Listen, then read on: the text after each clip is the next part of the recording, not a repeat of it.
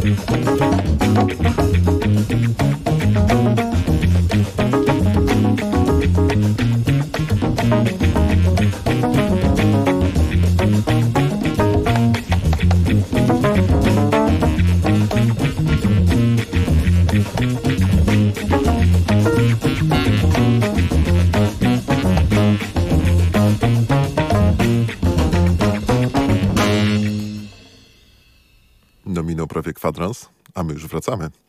E, po wysłuchaniu utworu Ostinato Suite for Angela, otwierającego utworu płytę Mwandishi sekstetu Herbiego Hancocka, z którym to sekstetem e, Hancock nagrał zresztą też jeszcze dwie, e, trochę chyba bardziej awangardowe płyty, może bardziej nawet jeszcze zrytmizowane, Crossings i Sextant, o ile mnie pamięć nie myli. Jak ci się, Mateusz, to Ostinato podobało?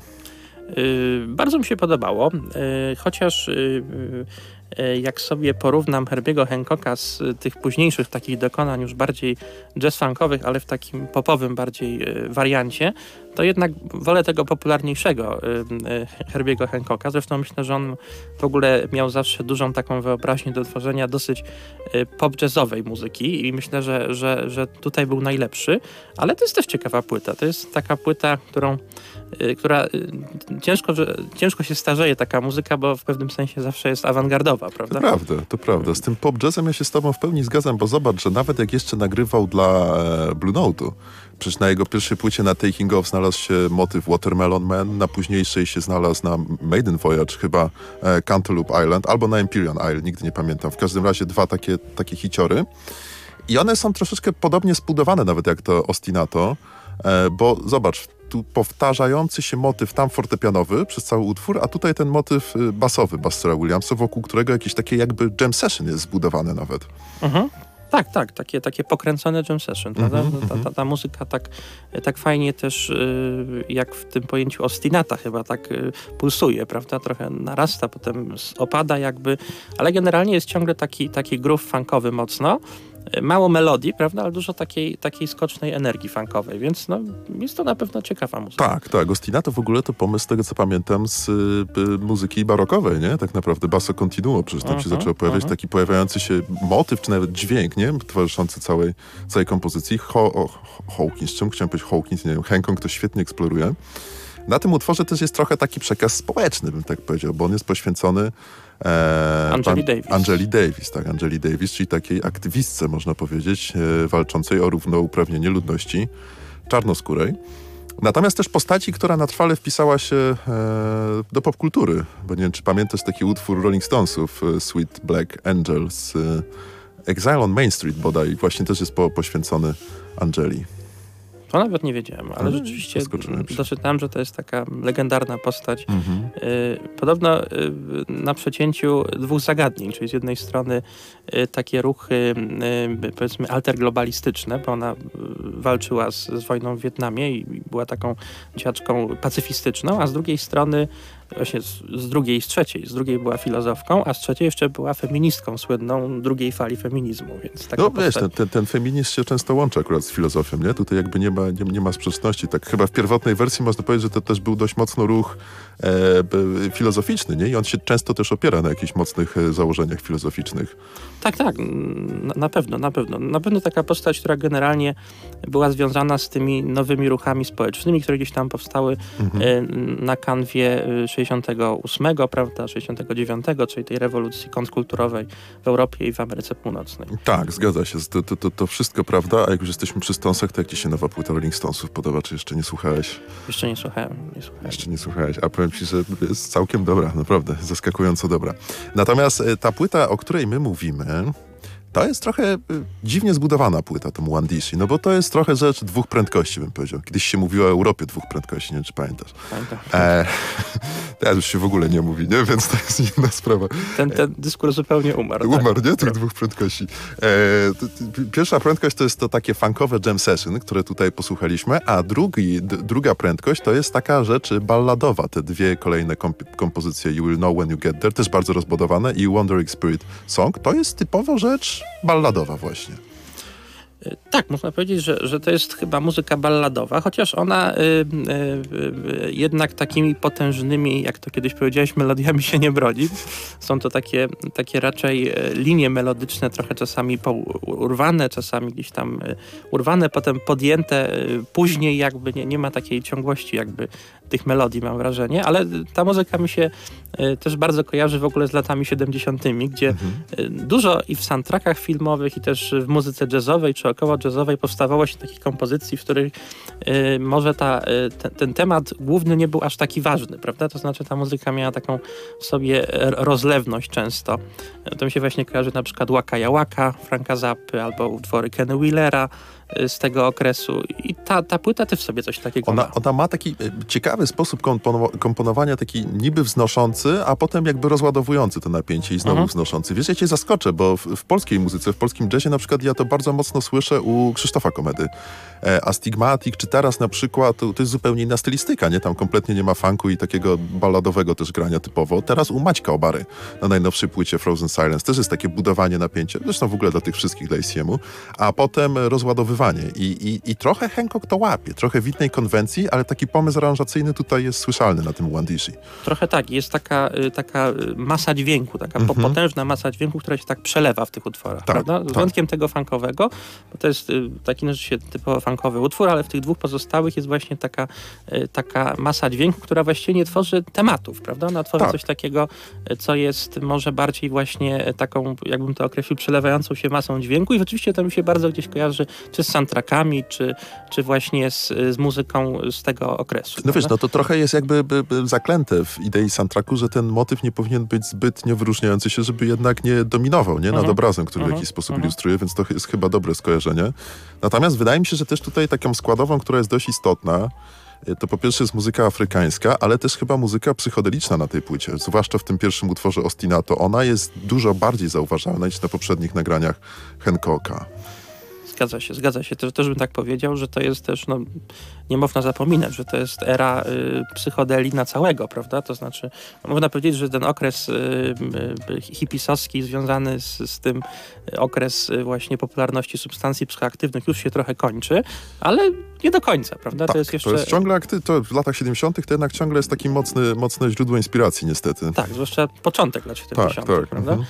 E, I na tej płycie rzeczywiście słychać takie elementy takiej muzyki psychodelicznej i ona rzeczywiście ma w sobie coś takiego z zbudowania takich e, dziwacznych pejzaży muzycznych, takich mhm. odrealnionych, prawda? Ja mhm. pamiętam e, dobrze okładkę Sextantu, czyli jednej z tych, z tych trzech płyt przejściowych z tego okresu, prawda? Nagranych właśnie w tym, w tym składzie, który tutaj na Błandishi. Tak, mhm. tak. I tam właśnie jest jakaś taka dziwna, obca planeta, po której mhm. skaczą takie dziwne ludziki, prawda?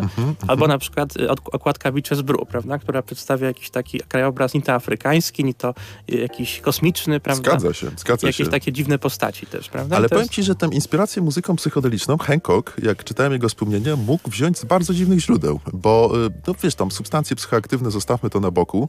Hancock akurat nie był chyba zbytnio osobą y, na szczęście uzależnioną, mhm. z tego co się orientuję. Natomiast on jak w poprzednim składzie jeszcze swoim autorskim grał, oni grali kiedyś taki koncert by, jako support, przepraszam, czy po po zespole Iron Butterfly. E, gwiazda, no może nie hipisowska, ale z chyłku lat 60., takie dość mocne, oparte na mocnych riffach. E, pamiętasz na pewno taki hit Inegada Davida, In Garden of Eden, tylko mhm. e, wokalista był zbyt pijany, żeby dobrze mówić In Garden of Eden i wyszło Inegada Davida. I tam było bardzo, bardzo mocno, to było oparte na właśnie takich ciężkich e, riffach, trochę jak Black Sabbath już, tak się zaczynał ten utwór, ale dalsza część była mocno psychodeliczna i publiczność uwielbiała Iron Butterfly i tak naprawdę nikt nie zauważył zespołu Hancocka, wyobraź sobie. I dla niego to się stało takim źródłem, jakimś bodźcem. Kompleksu może, nie? Trochę Takiego, tak, no. trochę tak. I próby poszukiwań właśnie, co jest takiego fajnego w tym Iron Butterfly, czego oni nie mają, czego jego zespół nie ma.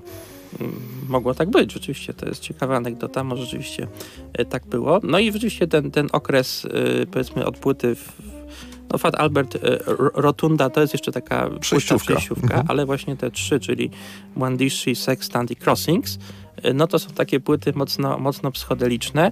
Y, I rzeczywiście, jakbyśmy tak się zastanowili, co tutaj dominuje, czy ten funk, czy może jakaś taka atmosfera y, tej, tej przelewającej się muzyki lat 70., czy może właśnie y, psychodelia, to chyba jednak psychodelia na pierwszym Mhm, miejscu, moim tak zdaniem. mi się wydaje, tak mi się wydaje. Jeszcze z tym Fat Albert Rotunda, chociaż ona już nie była nagrana dla Blue Note'u, a była nagrana dla Warner Brosa, to wyobraź sobie, że była jednak ciągle w studiu Van Geldera w New Jersey, więc no to tak naprawdę zmiana była tylko taka formalna, nie? Z kim był kontrakt podpisany, więc to nie była wielka różnica. Natomiast ja też wiem skądinąd, że y, ty wolisz tę późniejszą ewolucję e, Hancocka, tego z późnych lat 70. i lat 80., być może nawet 90. No tak, bo właśnie Herbie Hancock był, yy, znaczy nadal żyje, więc nadal jest, ale był uważany przez Milesa Davisa, no, który już zmarł jakiś czas temu, yy, za takiego mistrza właśnie yy, melodii w jazzie. I właśnie Miles Davis mu bardzo zazdrościł, że on yy, yy, świetnie, tak z dużą łatwością komponuje łatwe tematy, natomiast on, yy, no jemu to przychodziło jednak trudniej, prawda?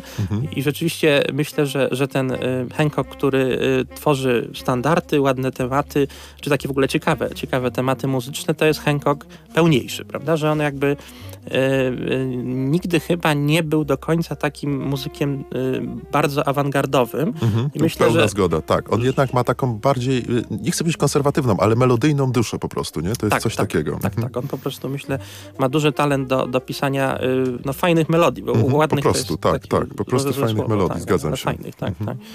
I na przykład, na przykład właśnie te, te płyty y, już nagrane z Headhunters, prawda, czyli, czyli po 73 roku, no to one są już bardziej takie płynące, melodyjne, prawda? Headhunters to akurat 73 rok, chociaż tam też są delikatne nawiązania do tego właśnie okresu sekstetu Mwandishi, to funkowe i chociażby personalne, bo też grał y, Benny Maupin na Headhunters, tak. który z Hancockiem to nawet grał jeszcze na Beaches Brew, wyobraź sobie, także naprawdę się nieźle, nieźle znali. W ogóle świetny, świetny muzyk, właśnie to jest, y, ja uwielbiam Hancocka y, właśnie w, ty, w tym trio.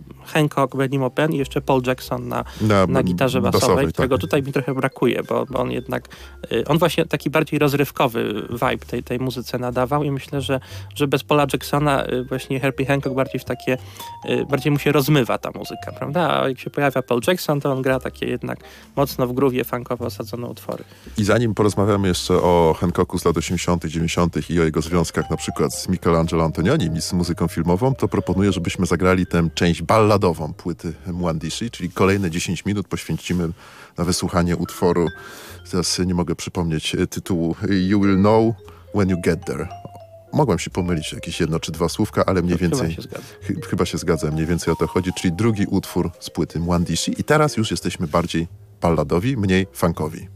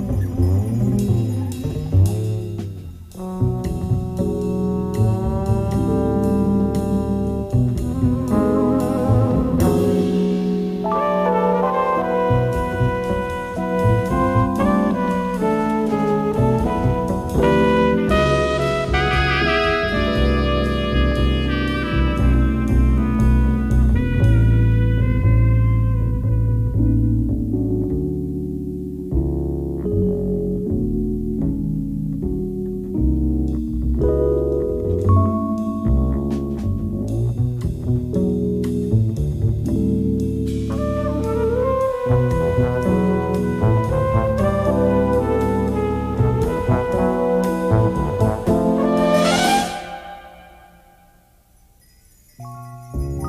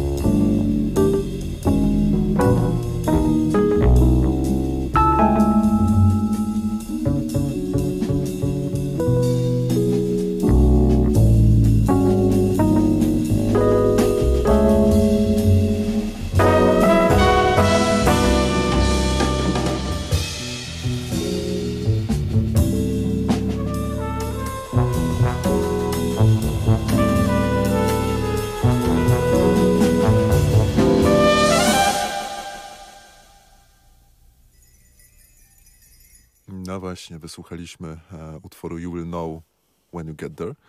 E, drugi utwór z płyty Mwandishi, przedostatni, ostatniego nie zagramy, taka niespodzianka. E, w każdym razie e, wrócimy chyba do tego tematu, Mateusz, który pociągnąłeś przed 10 minutami, czy minuty przed 10 minutami? 10 minutami. Minutami, tak, czyli o tym rozwoju e, Herbiego Hancocka i to, że y, jakby ta część taka może trochę bardziej popowa, ta część prostsza jest czymś, co, do ciebie bardziej przemawia niż ten funk awangardowy, który tak można nazwać to, co robił na płycie Mwandishi. Zgadza się, zgadza się. Tak, tak. Te, te popowe rzeczy bardziej do mnie przemawiają. No, tak jak mówiłem, myślę, że, że Herbie Hancock jest w ogóle muzykiem, który w pewnych momentach swojej e, kariery nawet w czysty pop wchodził, prawda? Mhm. Na przykład płyta Light Me Up, której skądinąd jestem wielkim fanem, rok 82 i tam mamy właściwie przeboje popowe, prawda? Mhm. Zresztą pisane często wspólnie z Rodem Tempertonem i innymi właśnie wtedy modnymi i producentami i e, twórcami piosenek, między innymi właśnie Quincy Jonesem czy, czy Tempertonem. I właśnie tam, tam mamy Herbiego Hancocka zupełnie e, popowego I, i też jest to bardzo fajna płyta, właściwie można powiedzieć, że już nie jazzowa, tylko Mhm. czysto popowa, albo na przykład e, Future Shock, prawda, która jest już taką czysto elektroniczną płytą, więc Herbie Hancock to jest rzeczywiście gigant, człowiek, który e, można powiedzieć z każdego tam kociołka, z każdego, e, z każdej możliwości wejścia w jakiś gatunek czy podgatunek korzystał i, i można powiedzieć, że jego dyskografia to jest po prostu e, przepastna księga. To jest prawda i to jest księga taka pozbawiona tych etykietek muzycznych, a może nawet nie pozbawiona etykietek, ale za każdym razem trochę inna etykietka. Tak, tak. E, I wiesz co, to jest ciekawe, bo ja pamiętam z y, jakiegoś jego wywiadu, jak on opowiadał, jak współpracował z Michelangelo Antonionim e, przy okazji tworzenia filmu y, Powiększenie, zresztą znakomity film z główną rolą Davida Hemmingsa, powiem ci, jeden z moich ulubionych filmów ever, jak to się ładnie mówi. Świetny film. I tam była właśnie muzyka Hancocka. I wyobraź sobie, że e, Antonioni, podczas gdy oni współpracowali nad tą muzyką, też niezły tam jest soundtrack. Tam się też pojawia Yardbirds grupa, jakieś takie blues rockowe, bardziej rytm bluesowe, może bardziej hity, wiesz, dla zilustrowania tego gustu e, pokolenia lat 60. No i Antonioni powiedział Hancockowi, i to ponoć było dla niego takie jakieś kształtujące wydarzenie, to spotkanie z Antonionim, że w ogóle nie ma czegoś takiego jak sztuka, że są tylko dzieła sztuki, nie? pojedyncze wykwity tej sztuki. I to chyba dobrze też ilustruje to, w jaki sposób Hancock myślał o muzyce później. Mhm, mhm. No właśnie tak, tak myślę o, o tym, o czym mówisz, że chyba tak jest, prawda? Bo rzeczywiście każda płyta Hancocka to jest trochę takie inne uniwersum muzyczne. Mhm. Yy, No można oczywiście mówić o jakichś okresach i to yy, t- znawcy tematyki Hancocka wyróżniają te trzy okresy, prawda? Czyli okres Blue Note. blue note'owy, Mhm. okres funkowy i ten okres, no właściwie powiedzmy lat, yy, lat 80., prawda? I jeszcze można tam dalej Znaczy, to, wiesz, bo to jeszcze można 90.. wyodrębnić popowy, później nie elektroniczny, tam może te hip-hopowy, nawet bardziej taki na bitach opartych, ale tu są jakieś tam, wiesz, podgatunki tego, co, co, Tak. co, co, co tam głównie tak, chodzi. Tak, tak, Mhm. Więc, więc jest to człowiek, który jakieś tam etapy na pewno miał w swojej twórczości, ale rzeczywiście yy, sięgał po bardzo, bardzo różne gatunki, prawda? Tam właściwie nie było, można powiedzieć, yy, jeżeli chodzi o takie współczesne gatunki muzyczne, yy, któregoś, który byłby przez niego pominięty, bo był i, właśnie i, jazz, i funk, i, jakaś taka awangarda współczesna, prawda? I, i też R&B, i soul, i No też była muzyka rockowa, to zwłaszcza ten elektryczny Davis, nie jak razem grali, to, to, to, Mhm, to ten mhm, okres mhm. rzeczywiście dużo się działo. I Hancock rzeczywiście był też cały czas y, oryginalny. Jak się teraz zastanawiam, to wydaje mi się, że ciężko znaleźć muzyka, którego y, kariera byłaby tak bogata, tak bogata w inspirację, tak bogata w źródła i żeby tak wpływowy muzyk to był, tak bym powiedział, tak naprawdę.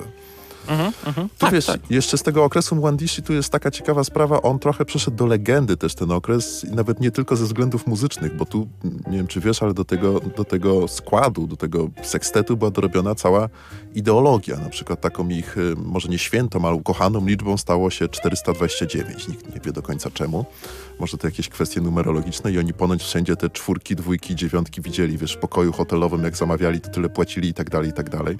A nawet... Tak, tak się wgłębili w temat, że aż zgupieli. A zgubię, tak, wszyscy wiedzieli, co to jest. Ale oczywiście nie, nie ujmujemy, że tak powiem, powagi tematu. Być może rzeczywiście jakieś tam było nie, znaczenie tych liczb, albo na przykład są zezna zeznania, już mówię jakimś prawniczym językiem, są świadectwa e, osób, które były na koncertach e, grupy Mwandishi, no bo to tak się też czasami mówi na ten sekstet, nie, że to jest zespół Mwandishi e, i ponoć muzycy, wyobraź sobie, lewitowali. Więc no, y, gruba sprawa, nie? co by nie mówić. No tak, to prawda, to prawda. Ale w ogóle doczytałem, że Herbie Hancock chyba w roku 74 y, nawrócił się na buddyzm, więc y, on jakby jest też postacią, y, która gdzieś tam eksplorowała duchowość wschodu, chociaż właśnie dla mnie to jest trochę dziwne, bo akurat te, jeżeli chodzi o te, te, te, płyty trzy, które są z tego okresu właśnie, czyli Crossing Sextant i Mwandishi, one są takie uduchowione dosyć, prawda? Są, są, są. Tej Yy. ezoteryki trochę widać, takich tych właśnie tych numerologii, nie? To 429, tak. I może to właśnie było tak, że, że wtedy gdzieś y, Hancock się zainteresował tematami y, filozofii wschodu i potem przeżył tą konwersję, y, czy, czy przeprowadził tą konwersję, no i potem właśnie późniejsze, ale właśnie późniejsze płyty y, już w ogóle nie wskazywały na takie, takie, takie inspiracje. Wiesz, no bo to on już przerobił ten temat i go zostawił, nie? I zajął się przyjemniejszą trochę muzyką. Możliwe. Natomiast... To w ogóle bardzo ciekawe, bo to człowiek, który gdzieś tam y, związany jest z duchowością buddyjską, tworzy taką miłą muzykę pop, pop, pop jazzową. Tak, to jest prawda? prawda. Natomiast tutaj wydaje mi się, że tych takich jakichś odniesień buddysy, do buddyzmu jest mniej. Ja bym bardziej powiedział, że na Mwandishi to tutaj dominuje muzyka, może nie dominuje, ale istotnym elementem jest muzyka afrykańska. E, Zresztą no, sam tytuł płyty sugeruje to odwołanie do języka swahilijskiego. Hancock był bardzo przywiązany do swoich afrykańskich korzeni. On zgłębiał kulturę afrykańską, też muzykę, ona była dla niego ważna i może to nawet tak bardzo często w jego nagraniach nie pobrzmiewa, chociaż na Mwandishi akurat tak, ale to było jakieś dla niego mocne, mocne źródło inspiracji wbrew pozorom. Zresztą zobacz, że tutaj obok e, Harta, perkusisty, jest także perkusjonaliści na tej płycie się znajdują. Perkusjonaliści, nie przypomnę sobie ich nazwiska, Leon Chancellor to był jeden, e, którzy grali na co dzień u Carlosa Santany, wyobraź sobie, więc w ogóle jakieś Mhm. kolejne dziwne uniwersum, woodstockowe tym razem bardziej. Tak, i w ogóle też... Jose Areas, ten drugi, teraz mi się przypomniało. Aha, ale jeszcze też y, doczytałem, że y, jest puzon na, na tej płycie, Julian, Julian Priester, więc y, też taki nietypowy instrument jak na jazz, prawda? Bo to raczej się kojarzy bardziej albo z big bandem, prawda? Albo, albo z taką orkiestrą muzyki klasycznej, prawda? Mhm. A tutaj, tutaj mam rzeczywiście puzonistę i ten puzon też y, czasami takie fajne solówki wywija, dosyć, dosyć dramatyczne, szczególnie w tym trzecim utworze, pamiętam. Tak, rzeczywiście, którego nie zagraliśmy, dlatego może na Pristera Pepom Toto trochę mniejszą uwagę zwróciliśmy. Ciekawostką taką może trochę faktograficzną, ale niektórych to na pewno zainteresuje, zwłaszcza tych, którzy lubią muzykę rockową, jest to, że w pierwszym utworze, czyli w Ostinato, na gitarze rytmicznej ponoć gra Ronnie Montrose. Natomiast ja tam, w, który później założył hard rockowe, heavy metalowe e, grupę Montrose, natomiast ja w ogóle tam nie wychwyciłem tej gitary elektrycznej, więc albo to jest jakieś, wiesz, urban legend, jak to się mówi, albo jest naprawdę w miksie mocno, mocno schowany ten Montrose, więc ciężko powiedzieć. Też, też nie dotarłem do tej informacji, więc wierzę ci na słowo. A, dziękuję ci bardzo, ale nie wiem, czy to jest tak dobrze wierzyć we współczesnym świecie komukolwiek wyłącznie na słowo. Ponoć wszystko się powinno weryfikować. Albo spisywać, Albo spisywać. tak, Ojej. żeby nie było na słowo. prawda? Weryfikuj i spisuj. To będzie motto naszej dzisiejszej halloweenowego e, wydania, o której opowiadaliśmy o płycie Mwandishi. Natomiast na pożegnanie zagramy coś z tego okresu, który ty lubisz, czyli zagramy kompozycję Sly z płyty Headhunters, e, czyli takiego już chyba bardziej przystępnego grania. Zdecydowanie, tak, tak. Taki Hancock właśnie bardziej, bardziej skoczny, bardziej y, przystępny dla ucha y, takiego, byśmy powiedzieli, słuchacza y, niezbyt wymagającego, prawda? Albo może mniej wymagającego, albo taki, który wymaga, ale co innego. O, tak, byśmy powiedzieli. Tak, wymaga więcej rozrywki, a Tak. mniej eksperymentu. Tak, tak mi się wydaje, także to była audycja Kind of Jazz. Mateusz Golami, Jędrek Janicki i Judyta Tyluś, a na koniec Sly, Herbie Hancock z płyty Headhunters. Do usłyszenia za tydzień. dziękuję.